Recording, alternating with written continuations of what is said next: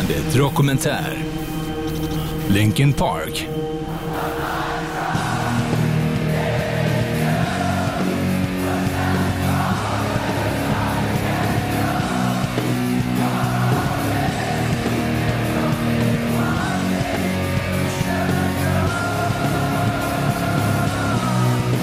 Det är försvinnande få musikaliska akter som uppstod under den så kallade nu metal-vågen som överlevde den genrens storhetstid runt millennieskiftet och lyckades fortsätta och utveckla sin musikaliska karriär bortom nyhetens behag. De flesta föll i glömska förr eller senare. Många slutade att existera, men ett par stycken, och framförallt ett i synnerhet, fortsatte alltjämt att röna framgångar och utmana sina fans och lyssnare och ständigt evolvera sitt sound. Ända fram till den tragiska händelse som skulle göra att deras framtid blev väldigt osäker. Hur bandet Linkin Parks historia kommer att arta sig framöver efter sångaren Chester Benningtons bortgång är det nog ingen som riktigt vet. Förmodligen inte bandet heller. Men låt oss blicka tillbaka och se hur den tätt sig så här långt. Bandet som skulle komma att bli Linkin Park bildades av de tre vännerna Mike Shinoda, trummisen Rob Burdon och gitarristen Brad Delson som gick i high school tillsammans i Los Angeles-förorten Agora Hills i Kalifornien. Efter skolan började de ta musiken mer och mer på allvar och rekryterade medlemmarna Joe Hahn, basisten Dave Phoenix Ferrell och sångaren Mark Wakefield till ett bandprojekt som de kallade för Xero med ett X i början. Tillsammans spelade de in en demo med fyra låtar i Shinodas sovrum någon gång runt året 1996 men lyckades inte få något skivbolag intresserade av sin musik. Frustrerad över avsaknaden av framgång och utveckling valde Wakefield att lämna bandet. I samma veva hoppade även basisten Dave av för att turnera med ett annat band, men han skulle komma att återvända strax därpå, lagom till bandets stora genombrott. Än så länge saknades en stor bit av pusslet, en frontfigur som kunde ta sig an uppgiften som huvudsaklig sångare i bandet. Efter en tids intensivt letande fick de nys om en kille som härstammade från en bit inåt landet, från Kaliforniens västkust, uppvuxen i Phoenix, Arizona. Hans namn var Chester Bennington och han hade nyligen hoppat av sitt dåvarande band Grey Days, ett lokalt postgrungeband som han sjungit i sedan tidigt 90-tal. Det var Jeff Blue, en producent och A&R på etiketten Zomba som även arbetat med band som Korn och Limp Bizkit tidigt i deras karriärer, som parade ihop Mike och grabbarna med Chester som direkt stack ut bland alla andra kandidater. Med Chesters entré i konstellationen kom en nyfunnen skaparglädje och kemi framförallt mellan honom och Mike Shinoda och för att signalera att en ny era hade börjat så byttes bandnamnet från Xero till Hybrid Theory. Under detta namn släpptes 1999 en självbetitlad EP, men snart därpå tvingades de än en gång till ett namnbyte då det fanns en elektronisk duo från Wales som hette Hybrid, vilket ställde till det rättighetsmässigt.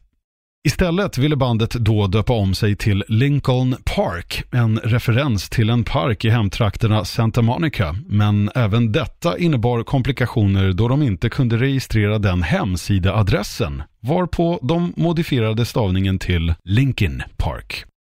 Med snudd på alla bitar på plats så hade bandet alla förutsättningar att lyckas. De började göra livespelningar runt omkring i Kalifornien och LA-trakterna, bland annat på välkända The Whiskey A Go-Go på Sunset Strip. Ett ställe där andra storheter som Guns N' Roses, Mötley Crüe, Kiss med flera också har kört sina första gig. De gjorde även en hel del spelningar inför branschfolk, men skivbolag på skivbolag, stora som små, gav dem kalla handen. Ingen verkade intresserad av att ge dem ett skivkontrakt. Till slut så var det återigen Jeff Blue som ryckte in och räddade situationen då han fixade en deal med etiketten Warner som han hade börjat jobba för. På vårkanten år 2000 äntrade bandet NRG Recording Studios i norra Hollywood tillsammans med producenten Don Gilmore för att spela in sitt fullängdsdebutalbum. Som grund låg en niolåtars demo som bandet spelat in själva och under fyra veckors tid förädlades materialet till vad som skulle komma att bli debuten Hybrid Theory. Ja, det slopade bandnamnet hade lyckats få ett nytt användningsområde.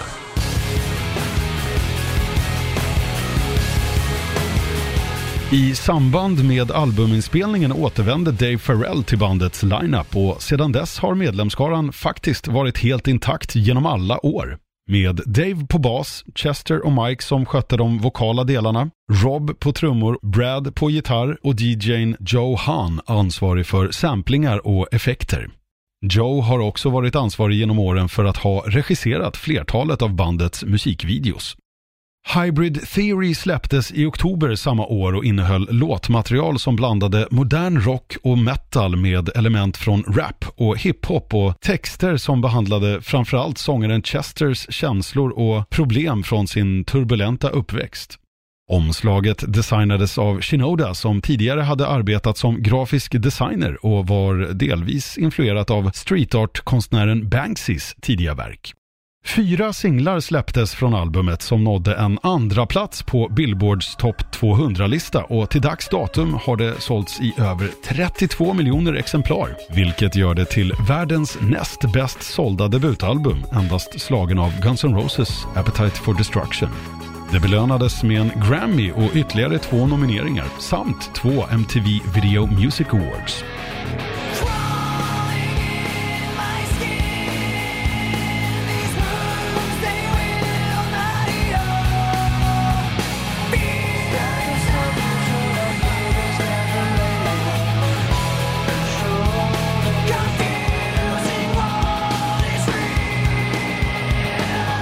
Låtarna Crawling, One Step Closer, Papercut och framförallt fjärde singeln In the End från albumet hjälpte alla till att öka på och befästa bandets popularitet hos den stora massan och de bjöds in till att spela på såväl Ozfest som Korns Family Values Tour under 2001.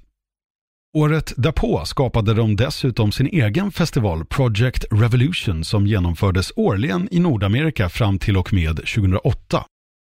Inom loppet av ett år tätt in på släppet av debuten hade Linkin Park framträtt över 320 gånger och släppte dessutom sommaren 2002 skivan Reanimation som innehöll remixade versioner av låtar från debutalbumet samt dess bonusspår.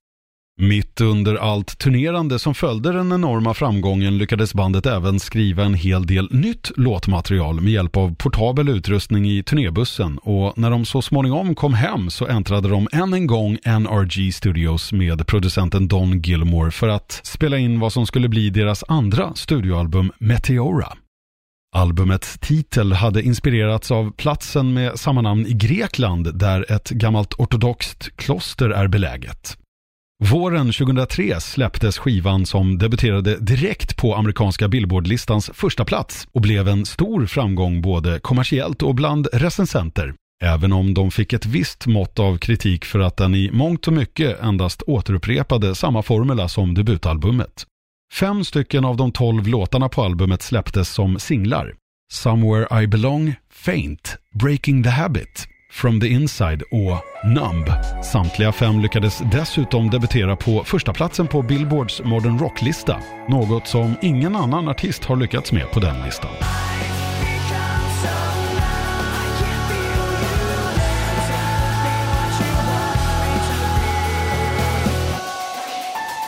Efter succén med Meteora ägnade medlemmarna sig åt diverse sidoprojekt. Chester påbörjade arbete på material med supergruppen Dead by Sunrise som skulle komma att släppas ett par år senare. Och Mike Shinoda medverkade bland annat på ett remixalbum med Depeche Mode som släpptes 2004 där han gjorde något av en linkinifierad version av deras låt Enjoy the Silence.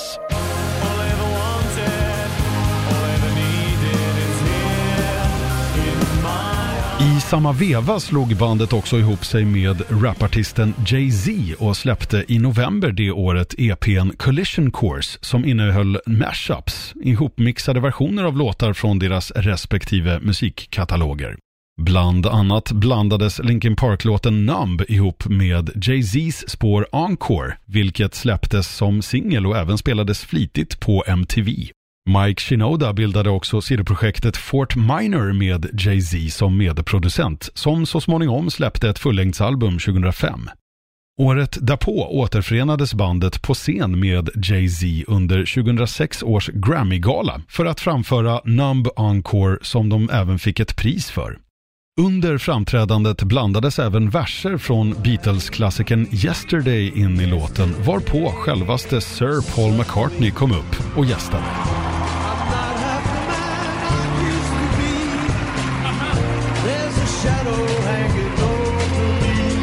Förutom allt detta hann Linkin Park med en hel del annat innan de så småningom började arbeta på nästa album. Bland annat så deltog de i ett antal välgörenhetsevents såsom insamlingar till förmån för drabbade av såväl Hurricane Charlie som Hurricane Katrina och på Live 8-galan. Under 2006 påbörjade bandet också arbetet på sitt nästkommande album. Som producent valdes välrenommerade Rick Rubin som precis innan varit i studion med Red Hot Chili Peppers och spelat in deras dubbelalbum Stadium Arcadium. Någonstans mellan 30 och 50 låtar skrevs under processen och av dessa hamnade slutligen 12 spår på albumet som blev en rejäl avvikelse från deras nu metal sound. Den 14 maj 2007, efter mer än ett års arbete, släpptes Minutes to Midnight, bandets tredje studioalbum vars titel är en referens till domedagsklockan som symboliskt ska föreställa hur pass nära mänskligheten är en global katastrof. Samma referens som Iron Maiden gör med sin låt Two Minutes to Midnight. Som första singel från albumet släpptes låten What I've Done och visade upp en mer avskalad och klassisk form av rock än deras tidigare samplingstunga produktioner.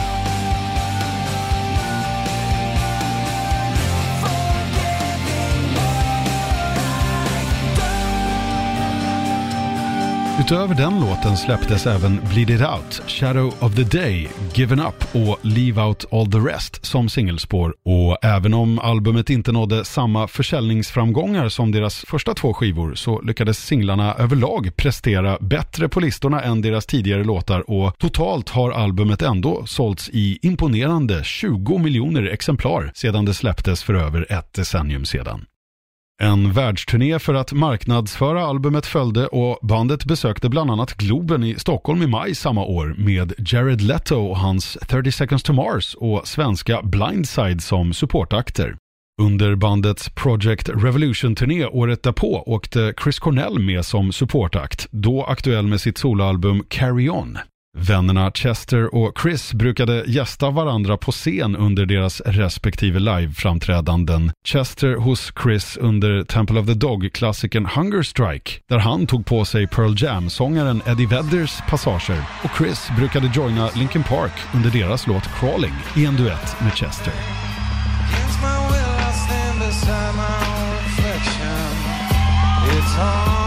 De två sångarnas vänskap var säkerligen delvis sammansvetsad genom deras delade erfarenheter med depression, missbruk och mentala problem. Och med tiden skulle deras respektive livsöden också arta sig och slutligen ta slut på samma tragiska vis.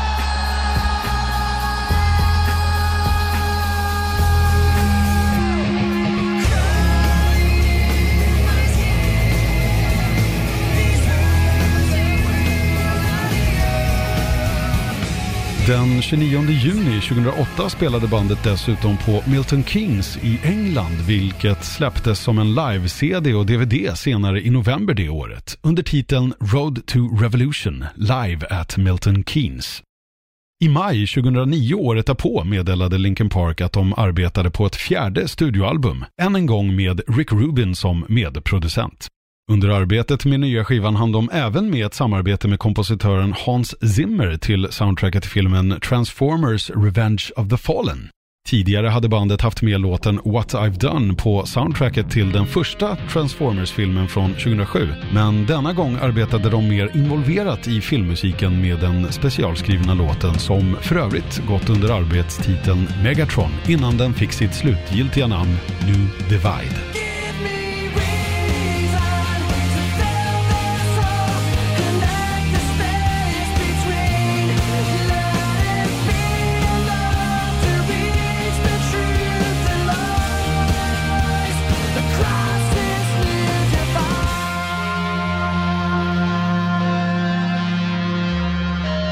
Därefter återvände bandet till arbetet med sitt nya album och i september 2010 släpptes A Thousand Suns, vilket innebar ännu ett skifte i bandets sound.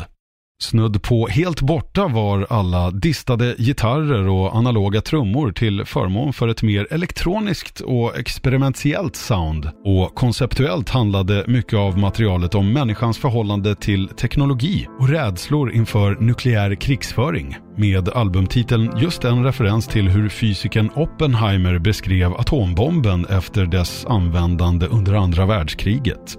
Mottagandet från såväl fans som kritiker var blandat, men många menade att det var ett modigt och spännande grepp att utveckla sitt sound och jämförelser gjordes med bland annat Pink Floyds The Dark Side of the Moon och Radioheads två album OK Computer och Kid A. Singlarna The Catalyst, Waiting for the End, Burning in the Skies och Iridescent släpptes, varav den sistnämnda, för att hålla traditionen vid liv, även medverkade på soundtracket till filmen Transformers Dark of the Moon.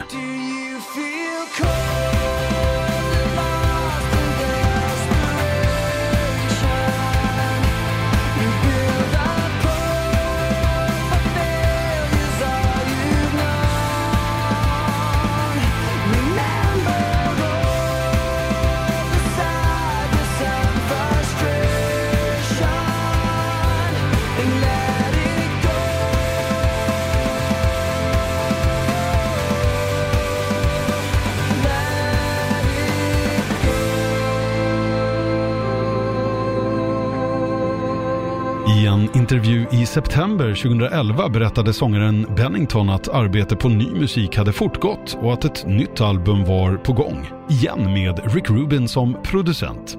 På vårkanten året därpå avslöjade Shinoda att titeln på nästa album skulle bli Living Things.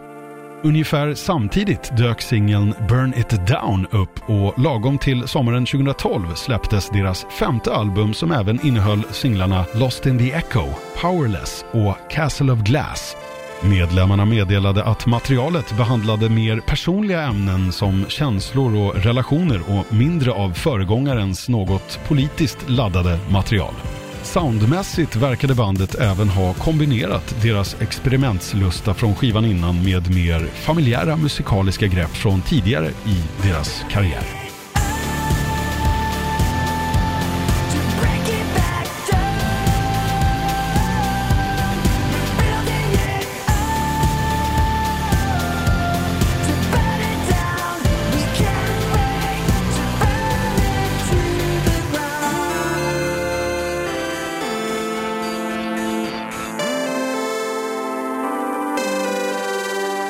Vårkanten 2013 meddelades det att Chester Bennington officiellt blivit medlem som ny sångare i Stone Temple Pilots som ersättare till originalvokalisten Scott Wayland som de övriga medlemmarna valt att gå skilda vägar med. Han medverkade på EPn High Rise som släpptes på hösten men hans tid i bandet blev inte varaktig och han valde att lämna konstellationen officiellt två år senare för att fokusera helhjärtat på sitt huvudsakliga band Linkin Park. En knapp månad efter Chesters avhopp kom också den tragiska nyheten om att Scott Wayland hittats död i sin turnébuss under sin pågående soloturné som följd av en överdos på alkohol, piller och kokain. Linkin Parks andra remixalbum Recharged släpptes också 2013 som utöver remixer på låtar från femte albumet även innehöll helt nya låten A Light That Never Comes som gjorts tillsammans med producent-DJn Steve Aoki. Och medlemmarna hjälpte även till med musik till långfilmen Mal som släpptes 2014 och regisserades av bandets egne Joe Han som ju även varit ansvarig för många av deras musikvideos genom åren. De hade även börjat arbeta på sitt sjätte album och sommaren 2014 släpptes The Hunting Party. Denna gång valde bandet att arbeta helt på egen hand utan någon utomstående producent och målsättningen var att återinföra de mer aggressiva och hårdare elementen till musiken. Så här sa vokalisterna Mike Shinoda och Chester Bennington själva om influenserna som påverkade skivans sound i en intervju som gjordes i samband med släppet. I think with any album, like finding finding something that the entire band gets really excited about is the most difficult thing because when we decided to move in the direction that led us to this aggressive guitar and drum heavy album, it was like, yeah, we were all interested in the song. The song felt exciting. When, when Mike came to the table with Guilty All the Same, he had been working on a batch of songs that were going in a, in, in, a, in, a, in a more electronic direction. And he was like, I don't want to do that anymore. I want to do like this. This is what I want. This is what I'm missing. It what was do you think so of this? shocking. And it was like, and I was like, fuck yeah, I want that all day long. I want every song like this to be, the whole record to be like this. That's what I want. One kid will hear Guilty All the Same and say, Oh, I hear Avenged Sevenfold in this. And then I get an email from somebody else who goes, I hear Refused in this. And I know for us, our inspirations were more of that latter, more of the stuff that we grew up listening to when we were in high school and in college, and maybe even younger. But definitely our reference points were the stuff that predated Hybrid Theory by many years. I think the first records that I personally was listening to were Shape of Punk to Come and At the Drive-Ins records, and even going back to like Minor Threat. Like other rock bands would have a hard time doing it because they're like guitars, bass, and drums. We have the benefit of having multiple guys in the band, and at the same time, lyrically, once you get into that, once you've got some of that music going on, lyrically, we're arguably adults. And we're not going to be screaming about, I hate mommy and daddy and I'm mad at everyone at school. I wanted to bring, and I think we all wanted to bring, but we tried to keep a really focused mind about making sure that the aggressiveness of the record in the lyrics is also mature, aggressive, and it's rooted in the things that actually get us, you know, fired up right now. Even through the process of making a record, like we could start. We've in the past we've started off on one in one direction and gone another, and same with in the case of this album. We were moving in a direction. You know, when we were like working with Steve Aoki, I think people were really expecting us to go further into the like EDM side and further into pushing the pop side of what we're doing.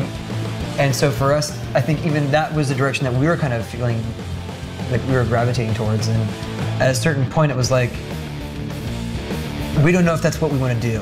Let's move somewhere else. And then, you know, I didn't even know that that was what we wanted to do until it was brought up by Mike, or you know, if somebody else comes in and goes, "Here's a song," and all of a sudden we're inspired. It, it inspires us, you know. That kind of process happens all the time. So we're never really not writing. We're never really not moving forward.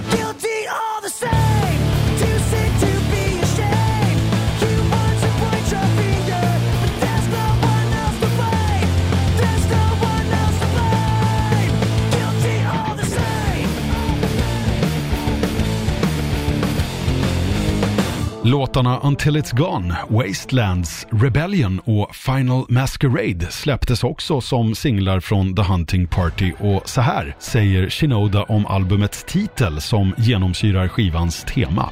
Last year, I read a piece about like Japanese culture that was from years ago, but it was talking about how people there were concerned that the new generation of kids were becoming herbivores. They were like passive and they weren't going out and getting a job or going out and getting a girlfriend. They were sitting and playing video games and like waiting for stuff to come to them.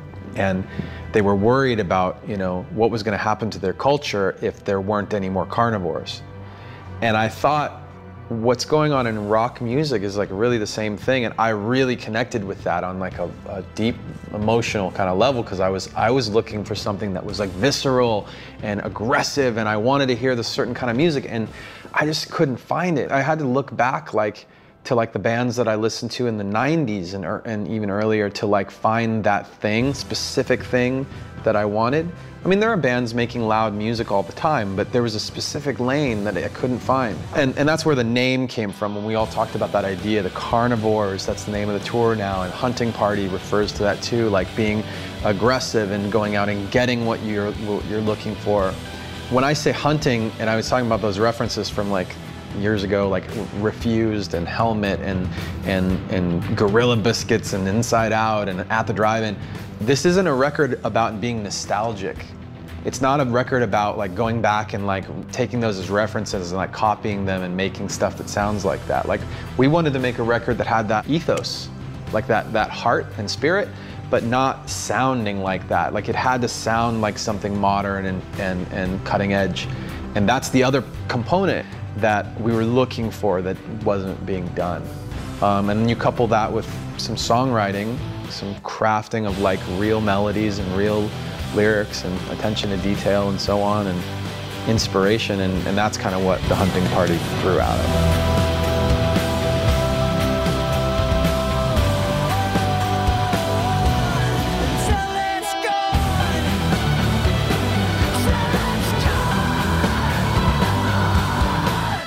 Hösten 2015 påbörjades arbetet på vad som skulle bli bandets sjunde studioalbum och det skulle dröja ungefär ett och ett halvt år innan det verket såg dagens ljus. Den 19 maj 2017 släpptes One More Light som återigen utmanade alla tidigare förutfattade meningar man kunnat tänkas ha om bandets musik. En poppigare och mjukare ljudbild hade ersatt föregångarens mer aggressiva ton och gitarristen Brad Delson kommenterade bland annat i en intervju att det fanns en hel del gitarrer med på inspelningarna, men kanske inte nödvändigtvis högljudda sådana. Denna gång hade bandet också samarbetat med utomstående låtskrivare och artister såsom popsångerskan Kiara som medverkade på singelsläppet Heavy.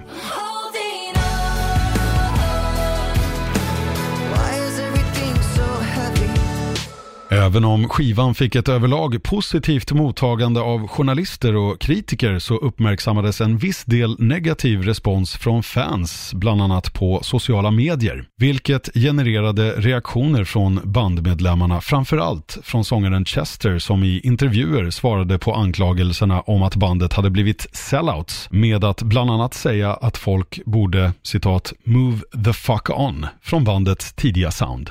Tittar man tillbaka på bandets karriär kan man ganska snabbt konstatera att han hade en ganska tung poäng med tanke på att bandet ständigt rört på sig soundmässigt och alltid experimenterat med sin musik. Det känns dessutom rätt felplacerat att anklaga ett band som redan med sitt debutalbum sålt miljontals exemplar för att vara sellouts.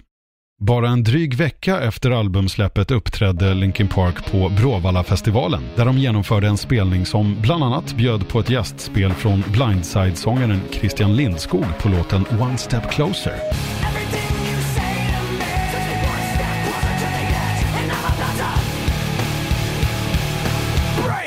Det skulle vara sista gången som bandet spelade på svensk mark, i alla fall med sångaren Chester som en del av konstellationen. Chester Charles Bennington dog den 20 juli 2017, 41 år gammal. Han hittades i sitt hem i Palos Verdes, Kalifornien, där han hade hängt sig själv för att avsluta sitt liv på egen hand. Kanske var det bara ödets ironi, men förmodligen handlade det om mer än så. Faktumet att han hade valt just det datumet, som var vännen Chris Cornells födelsedag. Chris hade tagit sitt liv med exakt samma metod bara drygt två månader tidigare på sitt hotellrum strax efter en spelning med bandet Soundgarden i Detroit. Chester hade medverkat på Chris Cornells begravning tidigare och framförde där Leonard Cohen-låten Hallelujah. Och den 4 augusti när Linkin Park hade varit inbokade att uppträda i tv-programmet Good Morning America så framfördes låten än en gång utav Chris Cornells dotter Tony som för övrigt var Chesters guddotter tillsammans med bandet One Republic som en hyllning till sin far och gudfar.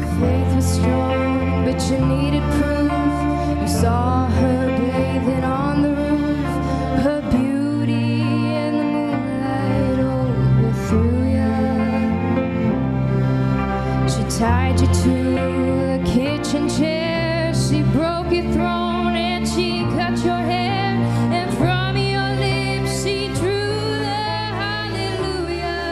Linkin Park hade dagarna efter Chesters död ställt in Nordamerikadelen av sin One More Light World Tour och gått ut med ett officiellt uttalande som fortfarande går att läsa på deras hemsida. Bandets logotyp som föreställde bokstäverna L och P och omslöts av en hexagon hade dessutom gjorts om till att sakna en av de sex linjerna, förmodligen som en symbol för förlusten av deras bandkamrat. Den 27 oktober anordnades en hyllningskonsert på The Hollywood Bowl i Los Angeles kallad Linkin Park and Friends Celebrate Life in Honor of Chester Bennington. Förutom de kvarvarande medlemmarna medverkade även artister och medlemmar från band som System of a Down, Korn, Avenged Sevenfold, No Doubt, Bush, Blink-182, Sum 41, Bring Me The Horizon och många fler. I december 2017 släpptes ett livealbum från bandets sista turné med Chester med titeln One More Light Live. Och bandet belönades även med en American Music Award i kategorin Favorite Alternative Artist, vilken tillägnades till Chester. Who cares if one more light goes out in the sky of a million stars? It flickers. Who cares when someone's time runs out? If a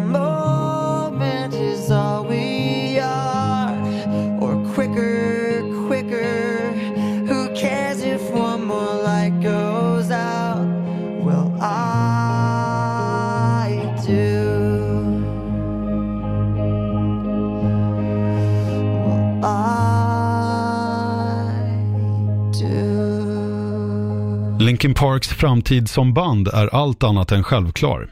Initialt har medlemmarna låtit meddela att de måste få låta tid passera innan de kan bestämma sig för hur man ska gå vidare. Bland annat så svarade Mike Shinoda i januari 2018 på ett fans tweet om bandets framtid med följande ord.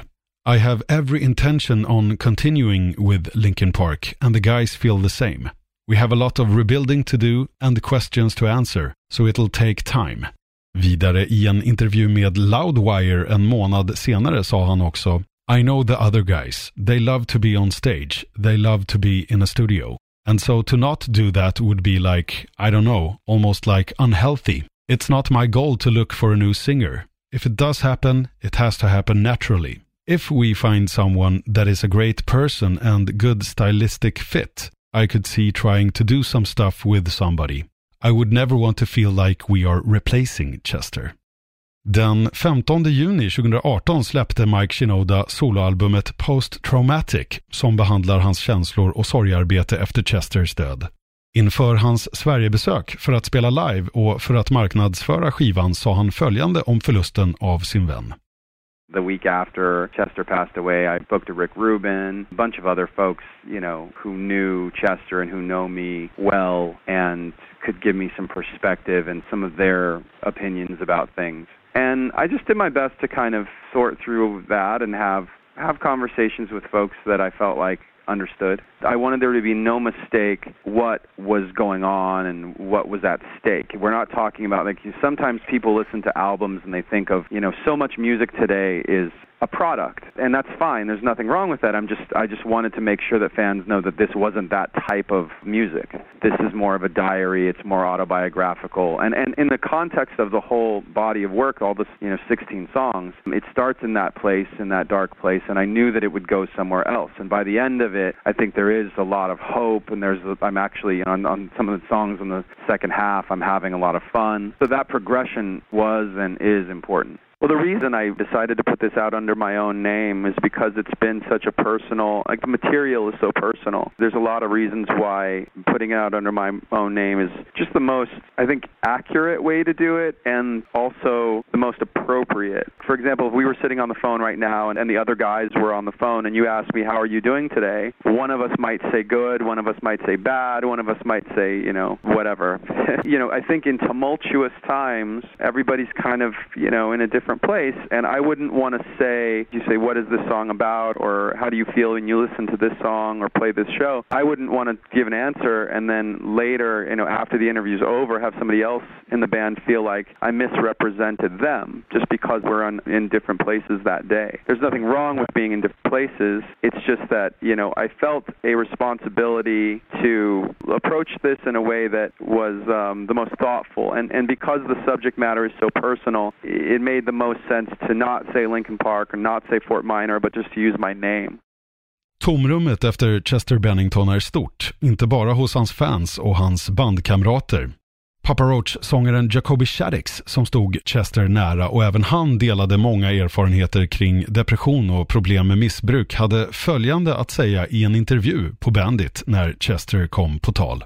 Our success was pretty much in line with each Yeah, other, you know, and we toured together. We took them on a tour right when they first came out, right when they were just one one step closer was popping, and uh, became real close with those guys. Me and Chester were like two peas in a pod. And uh, there was a little bit of uh, tension between the bands at one point because, you know, and I didn't realize it, um, but when we were on Ozfest, uh, I didn't realize Chester was struggling with with sobriety. You know, he was trying to stay sober and he would come over and hang out with me and I was partying. So then he would come and hang out with me and we would party together and then his band wasn't too fond of him hanging out Oh, with me. because they know? thought you kind of were a- dragged him down. Yeah, like the- in a bad influence, Yeah, you yeah. know. And I didn't realize that at the time. And you know, and I had my own struggles with alcohol and drugs, you know. And I finally had sobered up. And once I sobered up, I had that realization. I was like, oh man, like maybe that's why there was a bit of tension at that point, you know. And it wasn't like. You know, F you guys, we hate you. You know, it was just like there was something off. So I had a, a chance a few years ago to talk with Mike Shinoda and just mm-hmm. kind of, you know, go, hey, man, like I didn't realize at the time the struggle that he had, you know, and now I understand it because I've, you know, sobered up in my life. And, yeah.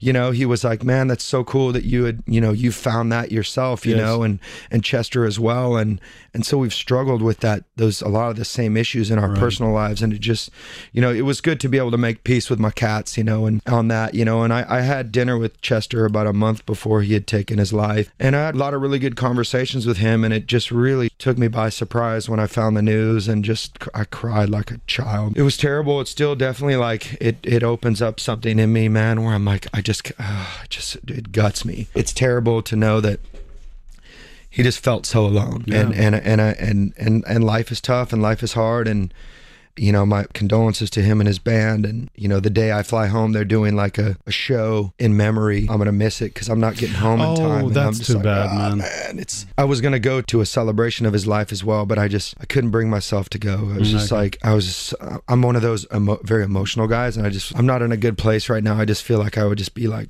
hurting you know it's a necessary thing. I think it's a way for people to process and to understand that mental illness and mental health and Yeah. people's struggles and their darkness is real you know and anybody can have it even if they have the presence of everything is fine and everything's okay some people just hide that darkness and Yeah. and so it's a real thing and mental health it, it just doesn't see any bounds or any walls you know we we do a tribute to him within our show we do a little section of in the end Yes. and uh you know i think it's just a, a healing moment That's good. you know That's good. but rest in peace chester i love you När Linkin Park slog igenom i början av 2000-talet gjorde de det med en blandning av många tidigare influenser som i sig var något helt eget och helt nytt. Det har absolut samtliga bandmedlemmar bidragit till, men i synnerhet Chester. Man brukar prata om “the voice of a generation” när det gäller stilbildande artister. Chester Bennington kvalar helt klart in på det epitetet. “The voice of a new millennium” till och med. En fantastisk röst som nu har tystnat. Hur Linkin Parks framtid som band ser ut kan bara tiden utvisa. De övriga bandmedlemmarna behöver få ta den tid som behövs och låta det som eventuellt sker få ske organiskt. Men deras musikaliska arv är i alla fall tveklöst enormt och kommer att ha sin rättmätiga plats och betydelsefullhet i musikhistorien för all framtid.